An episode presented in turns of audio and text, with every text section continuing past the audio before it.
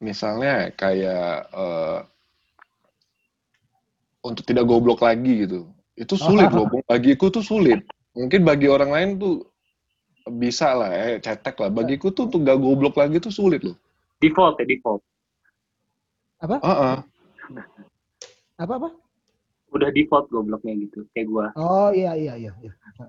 Untuk gak goblok lagi tuh sulit. Cuman tapi tinggal di tinggal dipantik aja, Bre. Kayak ya, hidupin ya. korek aja, kayak hidupin korek yang dingin, tinggal dua kali aja, oh ya udah paham, jangan goblok dah. Jadi nggak jauh-jauh amat lah ya kalau kalau ke mana-mana teh. Nah makanya Bung pernah ngomong, lu lu terlalu cepat Jim naiknya. Uh, bagi bagi fase itu mungkin Bung rasanya cepat sebenarnya karena pernah dialamin kan. Ya. Karena sudah pernah mengalami. Ya memang lambat aja. Ini memang baru sadar aja gitu. karena nggak ada yang mantik selama ini. Selama ini skuy aja. Ya ya ya. Hawa-hawa reggae aja semuanya. Ya. Ya, ya, ya, ya, awal-awal ya. Terus gimana? Oh, tolong dikeluarkan uh, kapabilitasnya, kemampuan dan callingnya sebagai pengajar, coba tolong. Mm-hmm. Silahkan. Ya, nggak maksudnya yang, yang mau gue kalau boleh menekankan sih berarti kan memang yang harus ditanamkan tuh state of mind berserahnya gitu kan. Jadi uh, bu bukan bukan kayak gimana sih caranya menghandle ketika lagi down oh caranya tuh gini gini gini gini bukan itu kan mungkin makanya tadi kalau si bilang tuh kayak tutorial ya gue setuju gitu makanya kan yang perlu ditekankan adalah si mode berpikirnya hmm. karena memang ya itu memang harus dialami gitu nggak bisa di nggak bisa oh gini gini gini pertama memang proses orang beda-beda dan hmm ketika dialami emang Edin sih emang Edan. Dan Terus, dan kalau aku boleh nambahin, Bre. Eh, oh iya, sok silakan silakan. Kan misalnya gini nih, karena aku pernah ngalamin, Bung tadi di awal mungkin kau belum belum dengar tadi ya. Bung juga ngalamin juga kalau aku sih narik benang merah saat saat ada sih satu. Memang harus gak ada pilihan. Ya. Harus ya. itu sih mutlak sih gak ada pilihan. Ya. Mentok tok mentok ancur lebur gitu loh. Iya iya iya. Ya. ya emang. Jadi pilihannya cuma jadi tinggal nanti muncul satu tuh pilihannya. Pilihannya harus ke Tuhan. Udah memang harus itu. Ya. Atau enggak bagi bagi orang-orang kayak aku yang kalau ke bahasa Bataknya jugul gitu, badung gitu yang apa ya enggak binatang aja enggak gitu-gitu amat gitu loh. Memang harus kayak gitu. Be ya. ya beda lagi sama teman-teman yang lain kayak sama Jovi. Oh, nyamak sih, nama saya dia nyamai. kau sama kau. Beda kali makanya memang harus dialami cuman bagi aku sih kayaknya setelah sering ngobrol sama Bung juga sama sama sama anak-anak yang lain kayaknya memang harus nggak ada pilihan Bre. Iya ya kayaknya gitu ya kayaknya ya. Kayaknya sih yang enggak ya. soalnya gue pernah dengar statement dari beberapa orang yang gini yang yang harus nggak ada pilihan buat gue itu kayak seperti vonis mati ya hmm. pada saat itu gitu masa sih ikut Tuhan hmm. harus nggak ada pilihan gitu Iya, saya setuju setelah, itu. Uh, uh, tapi setelah mengalami di hidup, iya sih. Iya sih. iya sih. Maksudnya dengan, iya dengan sih. berat dengan berat hati kan tetap dengan berat uh, hati ngomong uh, gitu. Iya sih, emang iya sih. Karena kita sih bisa ngomong iya sih sih. Tapi buat yang belum mengalami itu, itu horor loh belum ya, mengalami itu, kehancuran yang sampai ibaratnya sampai sampai kepala ke oh. tanah oh. bukan bukan kepala ke tanah doang kepala ke tanah lecet jadi ngegasruk tuh nggak lo jatuhnya hmm. jatuhnya tuh tersungkur tapi masih ada masih ada momentum maju jadi lecet mukanya gitu nah kalau belum sampai situ hmm. belum gue dibilangnya gitu soalnya jatuh itu sampai lutut sampai sobek siku sampai sampai sampai berdarah darah muka selesai pasir lu jatuh tersungkur dan ada momentum maju ke depan. Nah, itu baru lu bisa ikut Tuhan. Nah, gue sempet digituin. Hmm. Nah, terus gue bilang, masa sih? Kan jadi horor ya pada saat itu ya. Tapi sekarang setelah, terlalu itu tahun, setelah 20 tahun, 20 hmm. tahun buat orang nggak nggak nggak cepet kan? Iya. Yeah. Cepet. Tapi kayaknya sekarang cepet loh. 20 hmm. orang tuh cepet, 20 tahun tuh cepet loh sekarang. Begitu tahu-tahu gitu, gue sekarang bisa ngomong, gue, lu, mungkin juga nggak tahu. Iya sih. Pakai sih loh. Emang bener sih teman-teman. Buat yang lain, iya emang emang, emang ada sihnya. Ya emang itulah fungsi orang yang pernah ngalaminnya, Bung. Iya sih. Sekali Biar lagi nunjukin kalau, eh bro, ini aman nih kalau kalau memang harus tersungkur dulu aman nih. Aman kok, ini aman, aman aja. Gondong-gondong aja, ya rambut tumbuh-tumbuh aja aku nih. Gitu. Oh ya gini, kalau lu tersungkur, jatuh sampai kayak begitu, tapi lu belum mati, bersyukur. Itu berarti Tuhan lagi calling tuh. Itu Tuhan lagi bertindak tuh. Karena itu si anak bungsu yang pergi ngambil kekayaan. Uh, by the way, kalian, gue udah sharing ini belum teman-teman? Ketika anak bungsu yang perumpamaan di, di berapa sih itu Lukas? Ya itulah pokoknya ya. Di Lukas atau di Matius berapa tuh? Mungkin yang inget nanti bakal kasih tahu itu pasal berapa uh, yang tahu kan yang cerita tentang anak bungsu yang cabut, anak bungsu yang cabut. Perhatiin, uh, uh, boleh nanti yang jawabnya bukan doang. Gue pengen denger suara yang lain. Nggak berarti lu jadi nggak boleh ngomong sih, cuman ya yeah. pengen denger suara yang lain aja. Uh, yeah, saya paham, saya paham, Bung. uh, uh, ya lu jangan merasa tersingkir maksudnya. Uh, itu sih perumpamaan itu. Perhatiin deh, caranya Yesus Yesus cerita tentang perumpamaan itu dia mulai dari start dan dia ada endingnya kan? Benar nggak sih teman-teman? Halo, Lukas 15 ayat 11 sampai 32. Ada endingnya itu perumpamaan itu. Kayak tentang talenta. Ratap tangis, ke, pergilah kamu ke tempat yang ada rata tangis dan ketak gigi. Di situ tempat lu kalau lu nggak kembangin talenta lu. Nah itu itu itu ada endingnya kan. Nah ternyata perumpamaan tentang anak bungsu yang pulang itu, itu ada endingnya kan. Dan endingnya bukan anak bungsu pulang kan. Iya. Yeah endingnya tuh statement Tuhan ke anak sulung. Itu endingnya. Itu hmm. klimaksnya di situ. Nah kadang-kadang kita suka mis perumpamaan-perumpamaan itu karena ternyata inti ceritanya itu kok bukan tentang anak sulung, bukan tentang anak bungsu ternyata. Perumpamaannya tentang si anak sulung. Lu ada di sini di rumah gua, punya gua punya lu. Lu mau pagi-pagi, lu mau sarapannya pesta kambing, mau siang-siangnya pesta sapi, lu mau malam-malamnya pesta sapi dan kambing, go ahead, go. Kenapa kamu nggak, kenapa lu nggak nggak nggak nggak ngambil fasilitas itu? Kasarnya gitu ya, buat anak-anak bungsu ya, eh buat anak sulung. Nah, by the way, perhatiin teman-teman yang anak bungsu sebentar. Ini kita udah sering banget di gereja pasti sering banget yang tentang anak bungsu yang pulang-pulang lah. Tuhan menyambut kamu, Tuhan sedang menunggu kamu. Yang kayak begitu-begitu. Eh, kalau buat anda-anda yang sering ke gereja pasti sering mengalami uh, khotbah seperti itu. Nah waktu dia datang anak, kenapa tuh nggak? Tuh tahu itu kenapa anak bungsu pulang? Udah nggak ada pilihan lagi. Itu nggak ada pilihan lain. Dia makan sama babi, men. Dia tinggal sama babi. Oh ya, by the way itu anak bungsu sekurang ajar apa lo ngerti kan? Karena di, di adat Yahudi pada saat itu, kalau anak minta ke orang tua, saya minta bagian warisan saya, itu itu sama dengan dia anggap bapaknya mati. Karena warisan itu turun kalau bapaknya udah mati. Baru warisan turun. Kalau dia minta warisan, itu berarti gini, saya minta bagian warisan saya, saya cabut dari rumah. Saya nggak mau lagi hidup sama lo. Nah itu tuh, maksudnya itu. Itu dia seperti meng, meng, mengescapekan, dia seperti keluar dari fasilitas-fasilitas uh, uh, uh, bapaknya dan dia menganggap kalau bapaknya udah nggak eksis lagi. Sekurang ajar gitu anak bungsu itu. Kenapa dia balik?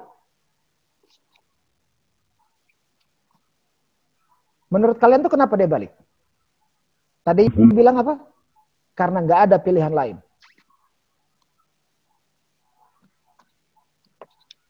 Kalau mau sebelum nggak ada pilihan lain, ada benang merahnya, ada ada ada ada the big statementnya. Big statementnya tuh ini, karena dia udah hancur. Dia udah hancur sekali itu. Tapi hidup. Hancur lebur, tapi hidup. Hidup kan tuh anak. Dia makan makanan babi, dia tinggal di kandang babi.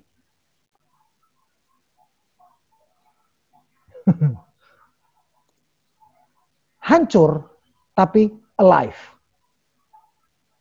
Itu kondisi yang paling gak mau tuh orang tuh. Hmm. Makanya dia pulang. Gua berharap, eh, gak tahu ya. Ini kan ceritanya Tuhan ya kalau gue boleh kutip orang-orang khotbah sih, berharap untuk lu nggak usah seperti itu dulu untuk balik sama Tuhan. Tapi kalau dilihat dari ceritanya sih tuh orang bakal balik kalau udah kayak gitu kan, benar nggak? Kalau berdasarkan pengalaman, yeah. iya. Ya sejauh Emang ini. iya. Sejauh ini aku belum pernah nemuin yang nggak hancur-hancur banget dia bisa balik ya. Rata-rata sih jadi bubuk. iya, udah jadi bubuk, udah tinggal ditiup, hilang dia. Ya. Jadi kalau dari gua, gua boleh trash talk dikit. trash talknya gini, berusaha lah setinggi tingginya, naiklah, berusaha lah, tinggi. Karena kalau jatuh makin pecah tuh. Hmm. Iya kan? Jatuhnya makin makin makin kenceng tuh jatuhnya tuh. Dan kalau lu jatuh lu masih hidup, bersyukur. Itu Tuhan lagi panggil kamu. Bung mau nambahin di Mazmur 3724. Sebentar, sebentar. Apabila oh ya silakan. Mazmur 3724. 3724. 3724. Oke, okay, go ahead.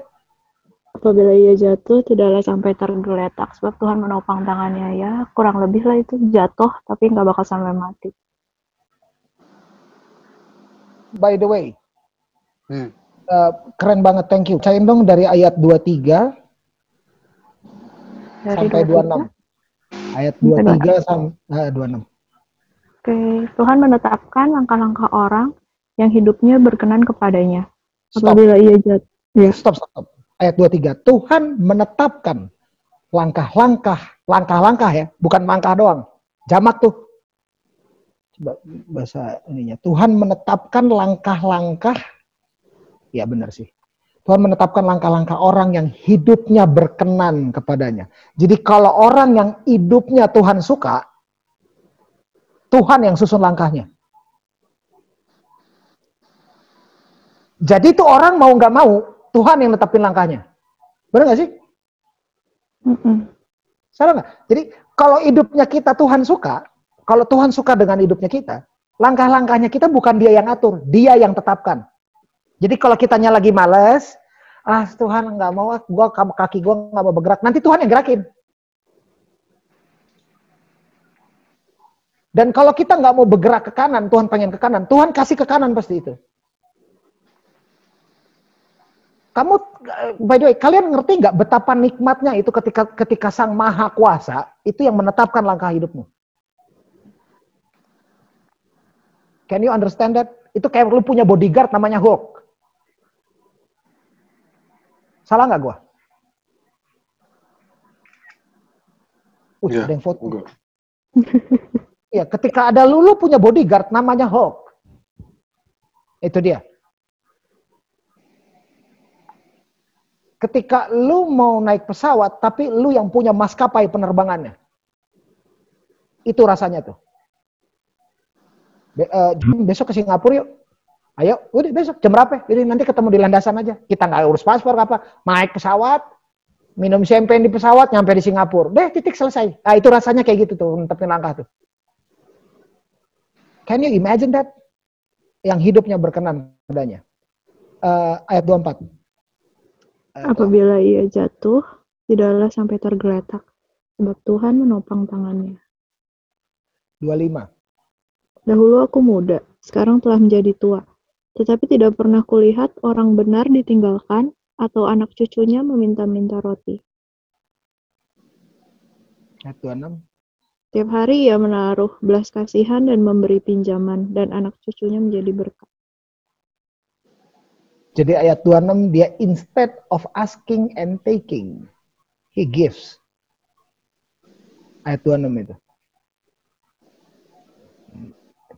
Bukan minta tapi memberi. Bukan minta makan tapi ngasih makan. Teman-teman, gak apa-apa. Kita minta teman kita doain. Yesus juga minta didoain. Gak apa-apa. Tapi ketika kalian hanya minta didoain. Tolong cek hidup lo berdasarkan ini ayat. Ketika lu datang ke teman-teman lu dan lu hanya datang untuk minta didoakan, tolong cek hidup lu. Tolong cek hidup lu. Itu lu ada di mana itu? Ketika hidup lu diisi hanya oleh asking. Thank you udah dapat kasih ayat ini sehingga dapat pewahyuan ini. Ketika lu datang hanya untuk minta, tolong cek hidup lu.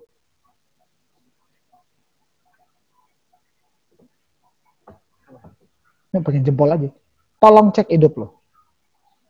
Instead of minta, when are you going to give? Kenapa lu nggak give? Karena yang ada di dalam hanya minta. Nah itu tolong cek hidupnya itu. Eh, uh, tolongin ini dong. Eh, tolongin ini dong. Eh guys, tolongin ini dong. Uh, bisa nggak tolong ada yang ini? Tolong.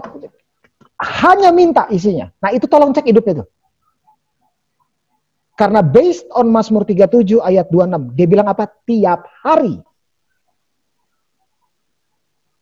Dia taruh belas kasihan dan memberi pinjaman. Tiap hari dia memberi. Ada yang keluar dari dirinya dan dikeluarkan dari dirinya dan berguna buat orang lain. Karena itu pinjaman dan belas kasihan. Siapa yang nggak mau pinjaman dan belas kasihan? Di antara kita yang hidup ada yang nggak mau dapat belas kasihan? Ada yang nggak mau dapat pinjaman? Semua juga pengen kan? Jadi di ini orang tiap hari, every single freaking day, ada yang keluar dari dirinya dan memberkati orang lain. Tiap hari.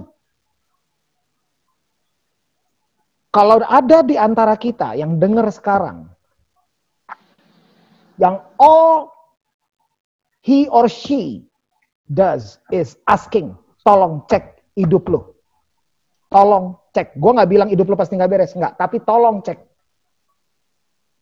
Tolong cek hidup lo.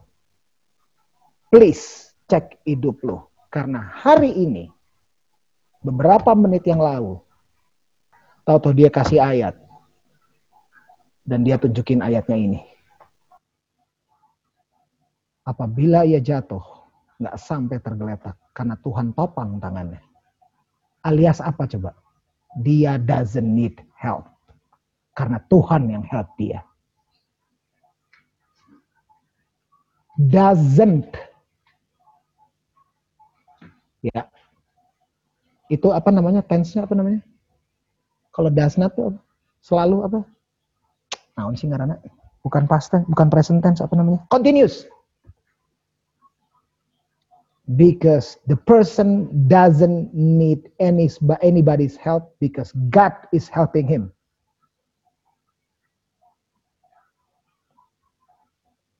Dulu gua muda, sekarang tua. Ini siapa yang tulis ya? Daud gitu. Yang ini siapa yang tulis ya? Mazmur 37 tuh. Bukan Salomo nih kayaknya. Bukan Musa Daud, kayaknya. Daud. Daud, oke okay, Daud. Tidak pernah kulihat orang benar ditinggalkan atau anak cucunya minta-minta makan. Tiap hari dia taruh belas kasihan dan dia kasih pinjaman. Keturunannya jadi berkat. Gue udah sering baca ayat ini, cuman baru sekarang saya dapat pewahyuan ini.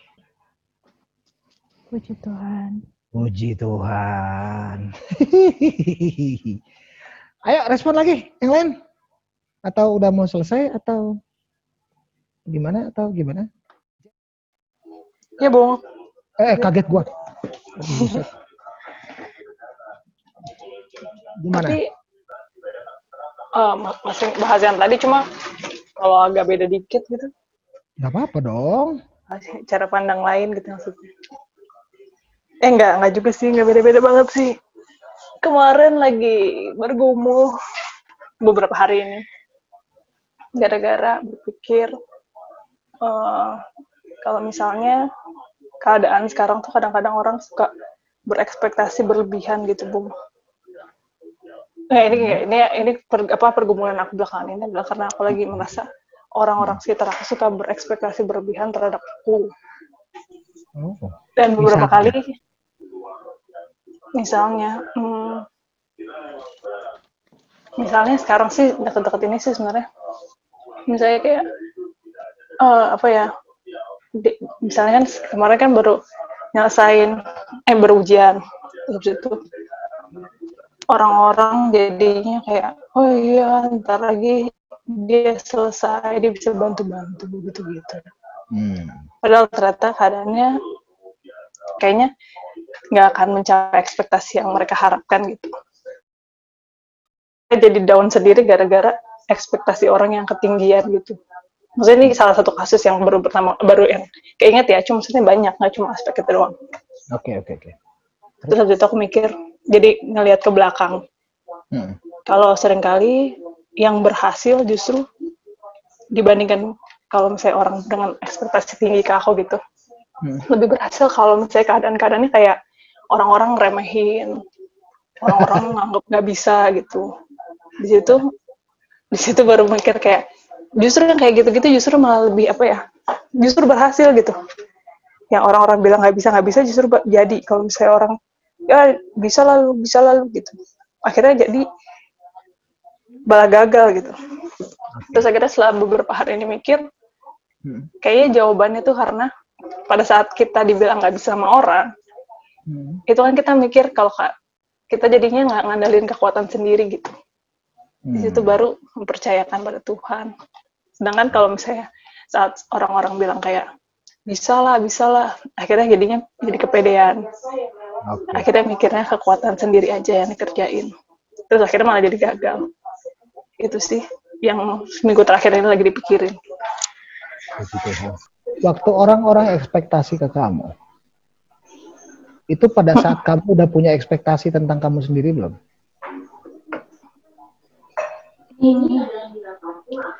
Ya, eh, belum sih justru gara-gara mereka berekspektasi gitu akhirnya mikirnya jadi oh iya benar juga ya mungkin bisa ya gitu. Oke. Okay. Berarti the absence of expectation dan ketika ada hadir ekspektasi dari luar tapi dari eksternal, kamu taruh ekspektasi itu ke kamu, gitu? Iya, iya, kurang lebih gitu. Oke, okay. teman-teman ada yang mau menanggapi tentang itu?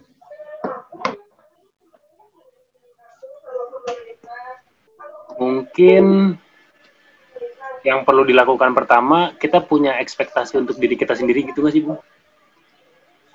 Uh, kalau nanya sih. Ya, salah gitu bos. Nggak ada yang salah di sini makan pendapat ya, ini mah. What do you think? What do you think about ekspektasi? Maksud gue gini, ini ada dua fase. What, jadi gini, gue tadi tanya sama maksud gue tanya itu adalah ada dua fase. Fase pertama, tahap pertama adalah ini. Lu lagi ada ekspektasi tentang diri lu sendiri nggak? Jawabnya enggak. Iya. Yeah. Nah, terus ada pihak lain dari pihak luar, bukan dari diri sendiri. Pihak luar punya ekspektasi terhadap kita. Nah, yang dijawab adalah ekspektasi itu dipindahin jadi ekspektasinya kita, ditaruh di bebannya, ditaruh di pundaknya kita dan itu jadi uh, jadi tujuan. Benar nggak sih? Benar, benar, benar gitu. Ya, dan itu jadi tujuan. Nah, menurut kalian yang sekarang gua tanyanya lagi menurut lo itu gimana?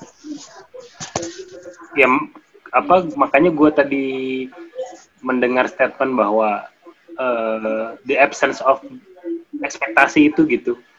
Yeah. Itu yang yang membuat ketika ada ekspektasi ya jadi ditaruh di ekspektasi kita.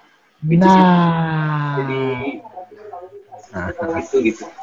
Betul itu gue setuju. Eh kok itu gue setuju? Enggak, itu memang itu. Berarti sebelum ada ekspektasi orang, jauh lebih selamat kalau kita punya ekspektasi dulu tentang diri sendiri, betul nggak? Hmm. Ya enggak? Kayak misalnya gini, wah, wah udah lulus. Nggak pakai puji Tuhan. Wah udah lulus. Berarti udah mulai bisa bantu-bantu. Nah, kalau sebelumnya udah ada ekspektasi dari kamu tentang diri kamu sendiri yang berupa begini, Tuhan, abis ini gue apa? Tapi kalau gue boleh minta sama lo, apa pun yang gue lakuin, itu bisa bantu keluarga gue.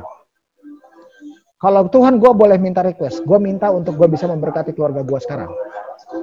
Kalau sudah ada hadir itu dulu, ekspektasi orang itu nggak akan ganggu kamu kan berarti? Mm -mm. Bener nggak? Bener gak sih? Iya bung, ngerti. Dari kemarin bingung kayak terus ini harusnya harusnya ngapain gitu. Ya. Biar ini kan keadaannya justru positif ya padahal. Tapi justru ini mengganggu gitu. Bahkan kadang jadi mikirnya dikatain sekalian nih kayaknya. Padahal keadaannya positif kok malah mengganggu ya. Itu sesuai iya. sama apa yang tadi kita sudah bicarakan cowok-cowok bajak-bajak laut. Keadaan positif ternyata nggak bantu apa-apa kok. Eh, eh, rasanya sama. Keadaan positif nggak bantu kok ternyata. Harusnya positif kok malah terganggu ya. gitu. Ama ada satu hal lagi. Iya, Bang. Gua nggak mau nunjuk ya. Um, ya akhirnya jadinya pasti nunjuk sih. Itu artinya apa tuh? Orang-orang yang punya ekspektasi ke kamu itu berarti mereka harapannya ke mana tuh? Mereka taruh ekspektasinya ke manusia berarti. Siapa yang nyanyi sih tuh? TV. Oh, TV lagi nonton TV. oh, iya iya iya. Enggak apa-apa. Ya, aku mute, Enggak apa-apa, enggak apa-apa. Berarti itu kan? Iya, benar. Berarti gini, lagi butuh bantuan nih. Lulus. Berarti sudah bisa bantu-bantu. Gitu ya? Iya. Nah. Baguslah, bawa Tuhan ke situ biar kamu bisa proklamasi ih, ih, tuh lihat tuh udah lulus. Tuh bisa bantu-bantu baru kamu di situ ngomong enggak ini bukan gua. No this is not me. This is God. Udah saatnya kalian untuk nyadar kalau ini kerjaannya Tuhan bukan kerjaan gua. Your time has come. Waktu mau udah datang. Bukan karena lu udah lulus ya Iya iya, Bung ngerti. bukan karena lu udah lulus, bukan. Tapi memang momentum ini Tuhan pakai buat, oke okay, ini deh, ini udah ada gerbang ini. Iya kan? Iya. Ingat nggak empat murid pertama yang dipanggil Yesus, dipanggil dia ngomongin apa?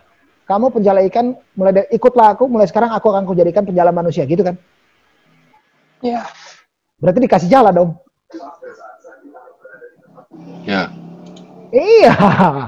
Berarti dikasih jala kamu mancing ikan, mulai sekarang aku akan menjadikan kamu pancing memancing manusia. Enggak kan dia ngomongnya benjala. Berarti sekali dapat banyak tuh. Kalau mancing kan dapat satu. Kalau jala kan dapatnya masa satu sih. Kalau lu menjala ikan dapatnya satu ekor itu hitungannya gagal. Kecuali yang lu pancing dapatnya orka gitu misalnya. Paus gitu lah. Itu gagal juga sih hitungannya. Siapa yang mancing paus? Menjala paus. Loh. Ngerti kan maksudnya? Berarti sekali dapat banyak. Berarti dia dapatnya jala tuh berarti dari Yesus tuh. Bener nggak? Benar. Tadinya sasarannya ikan, sekarang sasarannya manusia. Nah kamu lulus tuh, kamu dikasih jala tuh. Eh sorry, iya.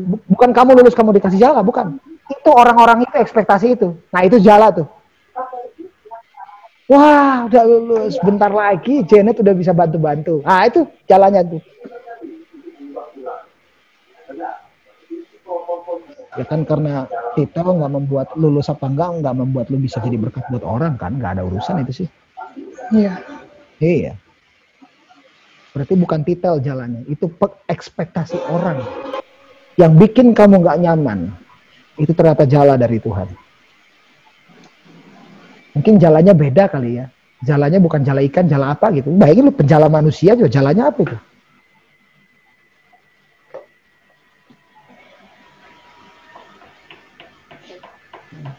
Dan kita topiknya lagi apa? Percaya sama Tuhan atau mempercayakan diri sama Tuhan? It's a two different thing. Topiknya itu. Yang omongin tadi ekspektasi orang. Gue bisa bantu-bantu. Saatnya kamu nunjukin ke mereka yang ekspektasi-ekspektasi itu ngomong ke mereka.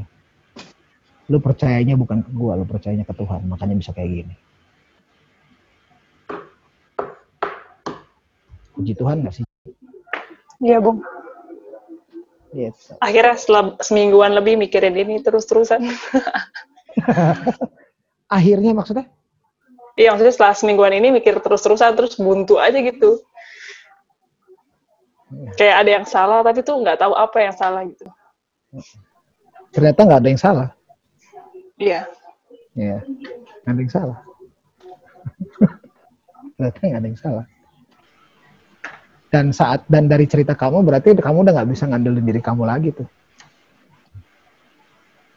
Untuk ya. memenuhi ekspektasi itu kamu mengandalkan diri kamu sendiri ya siap-siap terima cacian dan makian dan hujatan dan kegagalan dan segala macam. Siap-siap. Naik kelas tuh berarti kamu.